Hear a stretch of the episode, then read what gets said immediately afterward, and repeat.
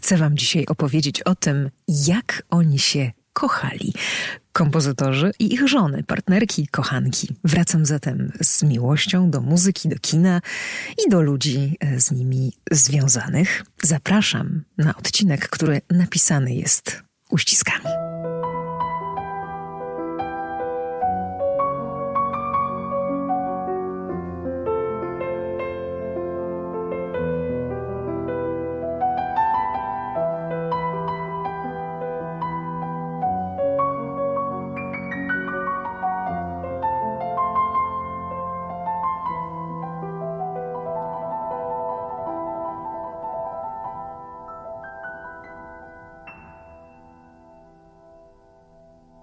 A to jest y, całkiem nowa czołówka i Aleksander Dębicz gra pięknie temat, który dla Score and the City napisał Michał Woźniak. Bardzo dziękuję. To była oczywiście stanowczo za długa przerwa. Wybaczcie. I bardzo dziękuję całkiem sporej grupie, która mimo mojej nieobecności tutaj wpadała raz po raz, co widać świetnie w podcastowych wykresach. No mnie pochłonęło w ostatnich tygodniach długich y, pisanie. Bardzo się chcę tym pisaniem z wami podzielić. Nie mogę jeszcze powiedzieć, y, że to się stanie niebawem, bo sporo pracy wciąż przede mną. No ale powiedzmy, że jest bliżej niż dalej. A tymczasem składam y, obietnicę kolejnych odcinków w rytmie bardzo regularnym, bo tygodniowym. No i w zamian proszę oczywiście o to, co e, dla podcasterów najważniejsze, czyli o subskrypcję, o podawanie dalej, o komentarze.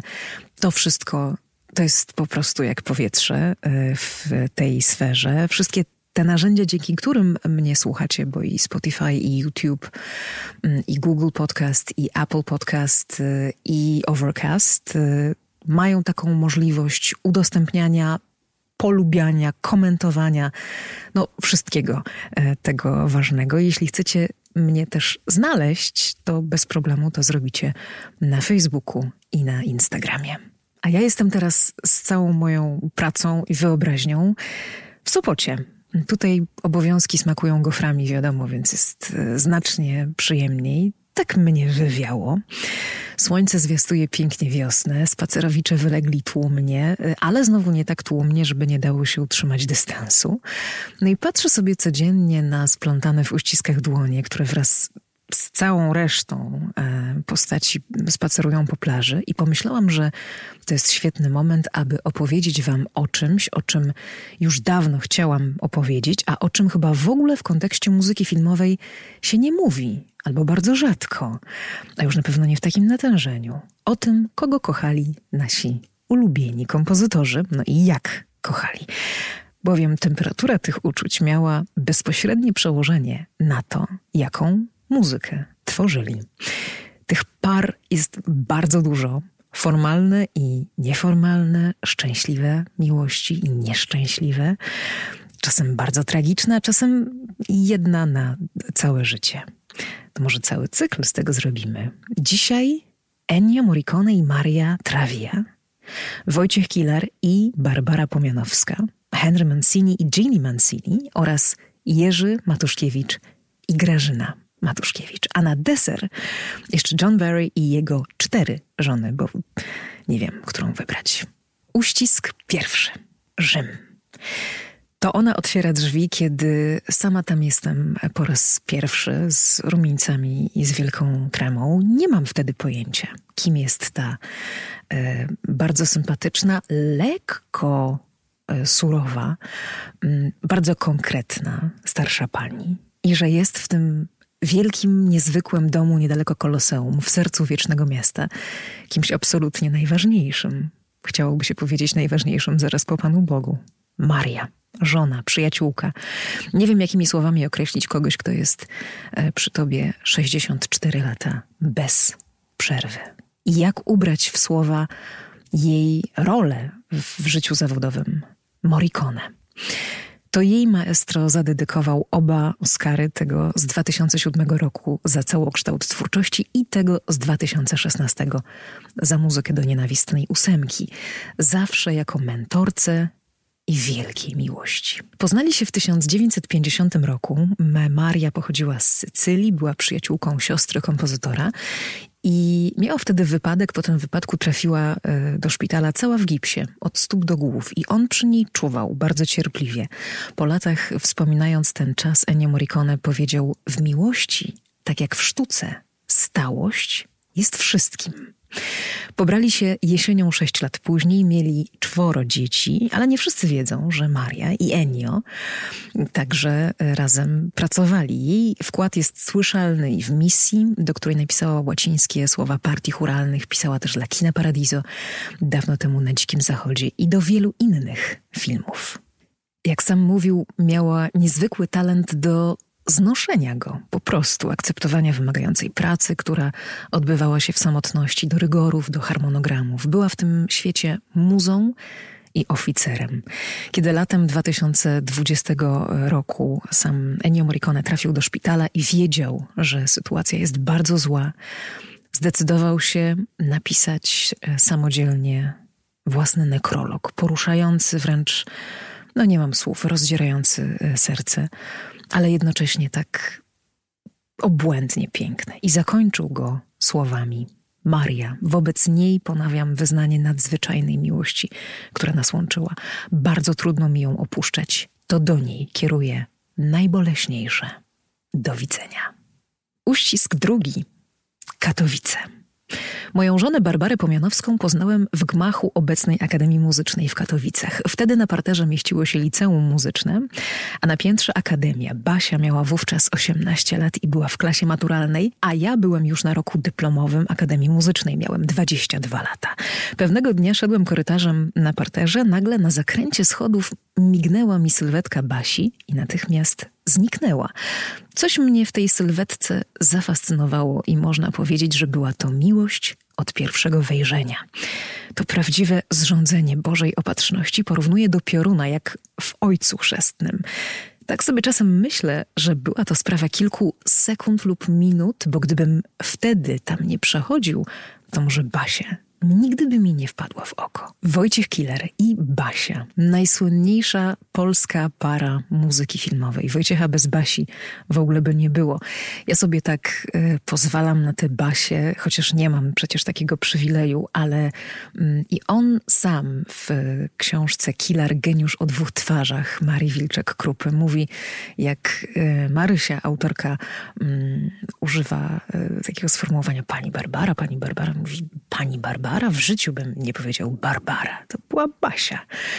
Y, albo Bimbuś, tak y, na nią mówił, a ona na niego Nanuś, podporządkowała życie jemu i jego profesji. On odwdzięczył się słowami, jakie każda kobieta chciałaby usłyszeć. Wśród trzech najważniejszych etapów swojego życia Wojciech Killer wymieniał poznanie y, jej jako moment absolutnie przełomowy.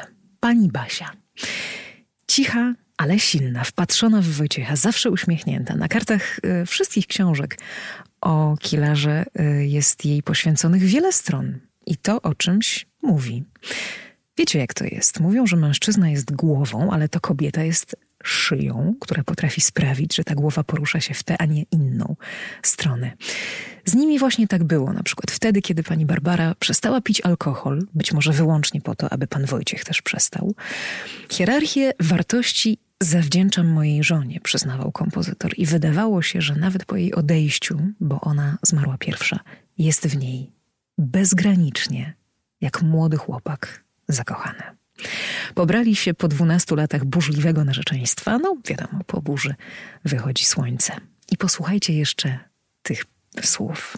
Czasem wstydzę się chodzić sam po ulicach, bo czuję się bez tej najlepszej części jakby gorszy. To nie żadna kurtuazja. Ta żeńska połowica małżeńskiego związku jest, moim zdaniem, naprawdę tą lepszą połową. Wojciech Kilar. Uścisk trzeci. Los Angeles. Jest takie zdjęcie y, kolorowe już, jak siedzą razem na czerwonych schodach. On jest w garniturze, ona w białej wieczorowej sukni. Widać, że to są jakieś bardzo eleganckie y, okoliczności, ale oni jedzą pizzę z tekturowego pudełka i śmieją się przy tym bardzo serdecznie. Henry i Ginny Mancini. Bardzo mi to zdjęcie przypomina taką słynną serię czarno-białych fotografii Rooney Mara i Joaquina Phoenixa z Oscarowej gali w 2020 roku. Oscarowej na pewno, bo oni siedzą na schodach, y, zajadają burgery z jakiegoś takiego też papierka, wege burgery pewnie i pomiędzy nimi stoi statuetka y, Oscara, aktora, y, którą dostał za Jokera. No i na tych zdjęciach jest miłość. Na tych zdjęciach z pizzą także. Ginny poznała Henry'ego na przesłuchaniu. Miała zaśpiewać, wchodzi, a tu przy fortepianie siedzi przystojny mężczyzna o włoskim nazwisku. Przepadła, jak twierdziła, natychmiast.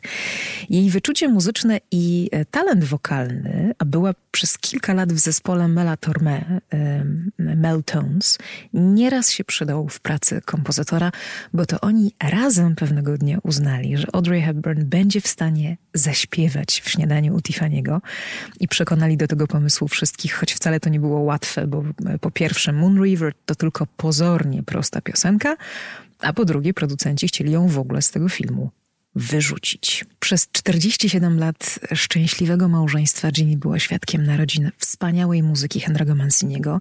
E, jej taktów i stron nie da się policzyć. Podążaliśmy w tym samym kierunku, mówiła w jednym z wywiadów, podkreślając też żartem, że wcale nie było to proste, bo kiedy ludzie zaczęli przysięgać sobie, póki śmierć nas nie rozłączy, długość życia była połowę krótsza niż yy, później. Nazwała go czule e, Gentle Giant, czyli delikatny olbrzym, delikatny gigant.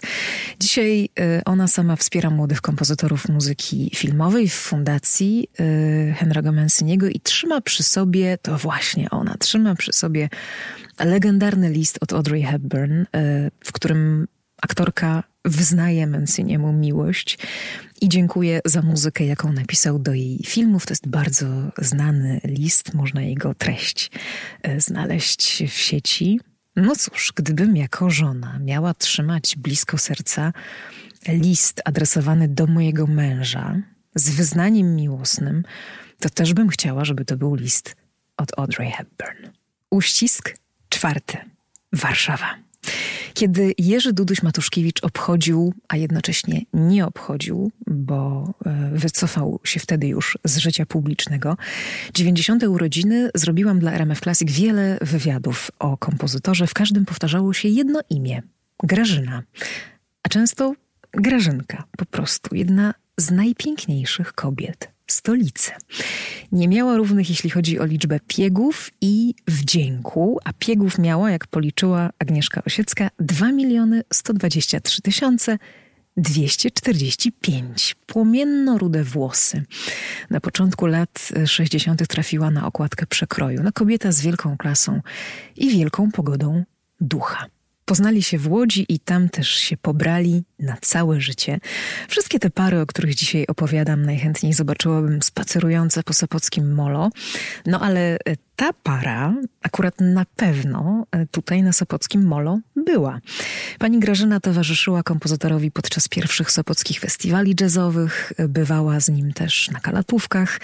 Stworzyli razem dwa domy. Pierwszy w starej, na, na Storówce, na Starym Mieście w Warszawie, no i drugi na Sadybie, mojej ukochanej, gdzie przeprowadzili się w 69 roku w lipcu. Pamiętamy doskonale ten moment, bo z całą hałastrą leżeliśmy do szóstej rano na walizkach i materacach i oglądaliśmy pierwsze lądowanie na Księżycu, mówiła gospodyni. Kiedy w 2018 roku wypadały y, te 90. urodziny Jerzego Matuszkiewicza, autora niezliczonych tematów filmowych, muzyki do seriali, które cała Polska pokochała i wielu, wielu piosenek, on e, był z boku, opiekował się ciężko chorą żoną. Wcześniej już zrezygnował z życia towarzyskiego. Pani Grażyna odeszła w lutym 2019 roku i w poruszającym nekrologu Jerzy Matuszkiewicz napisał, parafrazując też słowa znanej piosenki: Całe życie byłaś dla mnie najpiękniejszą muzą. Duduś. Uścisk piąty. Londyn, Nowy Jork. Najpierw Barbara, zupełnie niezwiązana z branżą muzyczną, następnie Jane, ale jaka Jane? Jane Birkin. Miała 17 lat, kiedy poznała 31-letniego kompozytora i 19 lat, kiedy się pobrali. Sprawdzałam, ale wygląda na to, że było to jedyne małżeństwo pięknej aktorki, piosenkarki i modelki. John Barry i Jane Birkin mieli razem córkę Kate, która zmarła tragicznie w 2013 roku. Ich małżeństwo trwało niespełna 3 lata, a później była żona numer 3, również Jane. Y, I wreszcie Laurie, ponad 20 lat młodsza, ale ostatecznie ta, z którą kompozytor był od 78 y, roku do swojej śmierci w 2011. Wymieniam tylko żony, jeśli chodzi o twórcę y, muzyki filmowej do Bondów, Pożegnania z Afryką i wielu innych wspaniałych filmów tańczącego z wilkami. Wymieniam żony, to ważna uwaga, dlatego że partnerek i matek jego dzieci było więcej. Ale pomyślałam, że taki portret y, przyda się do zachowania balansu, bo mamy przecież y, w tym miłosnym kotle nie tylko miłość do grobowej deski y, i piękne, wierne uczucia najwyższych lotów, mamy też naj, namiętne romanse, w końcu mowa o mężczyznach, którzy grają muzykę, a kobiety za nimi szaleją. Swoją drogą ciekawe, czy to jakoś działa w drugą stronę. Jak było z Johnem Barrym? No prasa nie szczędziła komentarzy, pisano, że to najbardziej niegrzeczny chłopak lat 60., albo wręcz po prostu lady killer.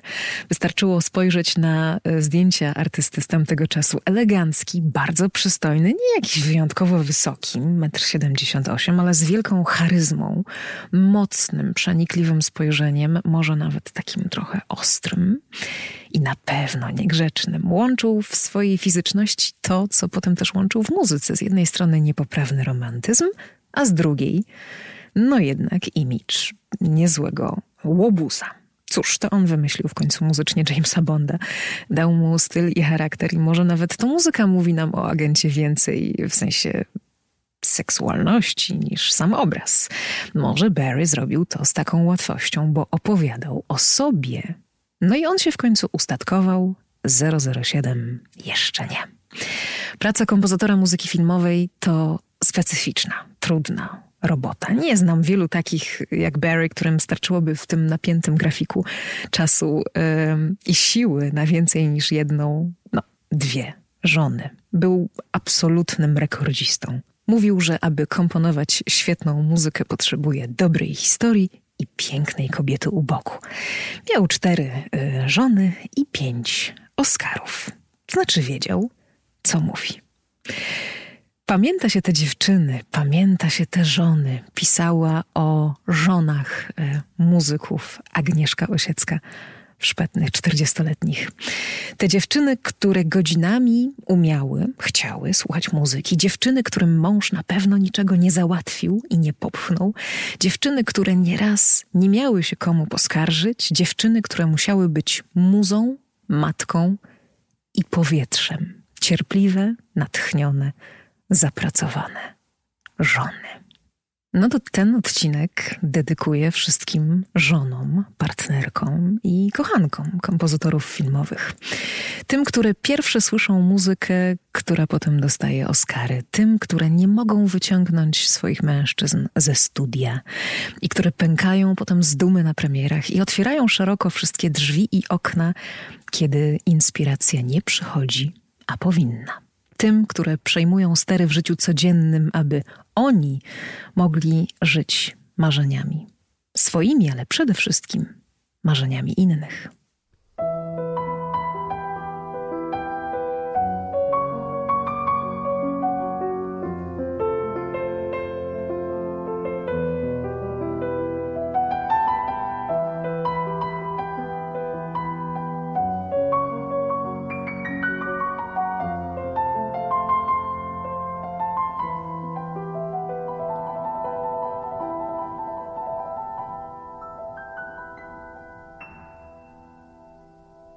I to jest y, pierwszy z dwóch albo trzech, zobaczymy, sopockich odcinków Score and the City.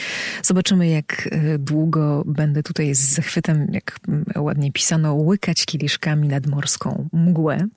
Za tydzień wam opowiem o filmach tutaj kręconych i o ich wyjątkowej muzyce oczywiście, a także o tym, jak to się stało, że wysłał mnie tutaj mój dziadek, wciąż bardzo sprawczy, jak widać, choć nie ma go już z nami dobrych parę lat. No czysta magia. To co? Zrobić po tym odcinku o parach cały miłosny cykl?